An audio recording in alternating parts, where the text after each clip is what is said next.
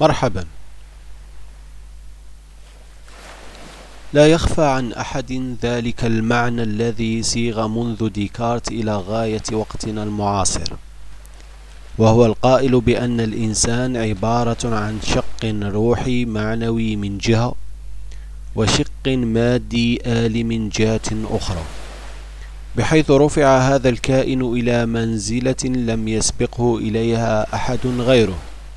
حتى صار يعيش ضمن هذه الازدواجية بين الخلود والفناء بين الخضوع والتمرد.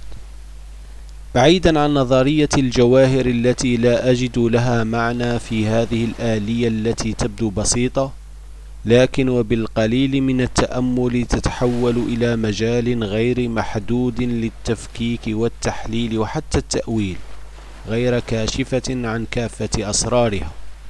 فإن كان العالم الذي نعيش فيه كبشر وبني الإنسان يحمل الكثير من الأسرار فإن الإنسان هو السر الأخطر على وجوده والوجود بشكل عام وهذا ما يثبته المجال التقني المعاصر.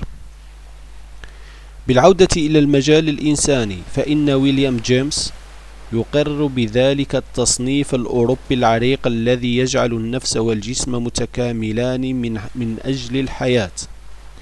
ولكن وبالمقابل هو يقف على مفارقة غريبة عندما يتعلق الأمر بالشعور والأحاسيس وكيفية تفسيرها.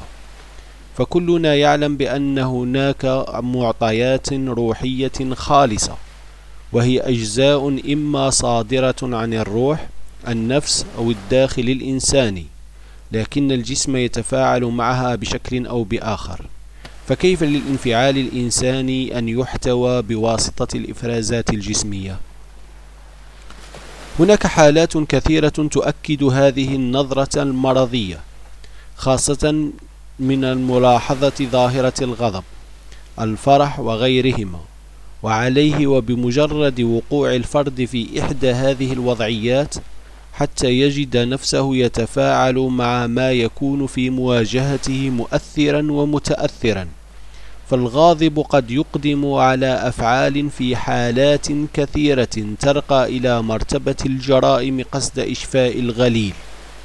والإنسان في حالات الفرح قد يخسر الكثير ويضحك بشكل هستيري إبداء لما يشعر به. وهي تفاعلات روحية تظهر على شكل انفعالات فيزيولوجية في نظام مترابط. يرى جون بول سارتر بأن الانفعال وإن بدا من ناحية الموضوعية اضطرابا فيزيولوجيا إلا أنه يكون اضطرابا أو عماء بحتا حيث إنه واقعة شعورية. ما يهمني فيما يراه سارتر وما يوافق عليه جيمس هو أن الظواهر النفسية هي المحرك الأساسي لما يصدر عن الجسم. وبهذا فإنني أرى بأن الفرد الإنساني هو كتلة روحية تؤسس من حيث لا يمكن أن يكون ريبا لقدرات كامنة ولها القدرة على الظهور ولعب أدوار بارزة وحاسمة في عملية تحسين الحياة بشكل عام. لو تأملنا العظماء من نبلاء الإنسانية فإننا سنجد أجسامهم مثل أجسام الناس العاديين.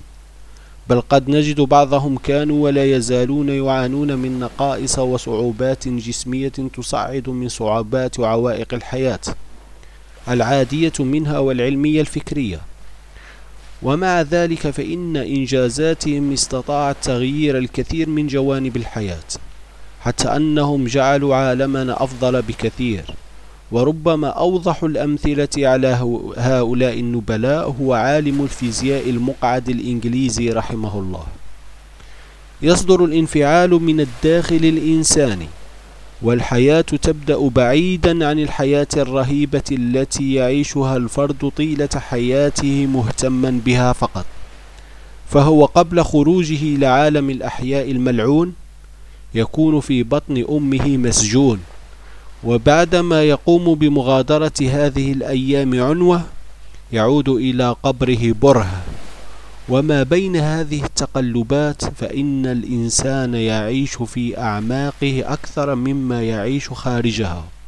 فهذا فلهذا أنا لا أزال أتبنى ما رآه أمير نيويورك جبران خليل جبران في أن الروح وإن استخدمت الجسم لوقت ليس بالقصير إلا أنها الأقوى الأبقى والأكثر قابلية لتوجيه المصير نحو الأقدر على أداء دور النصير.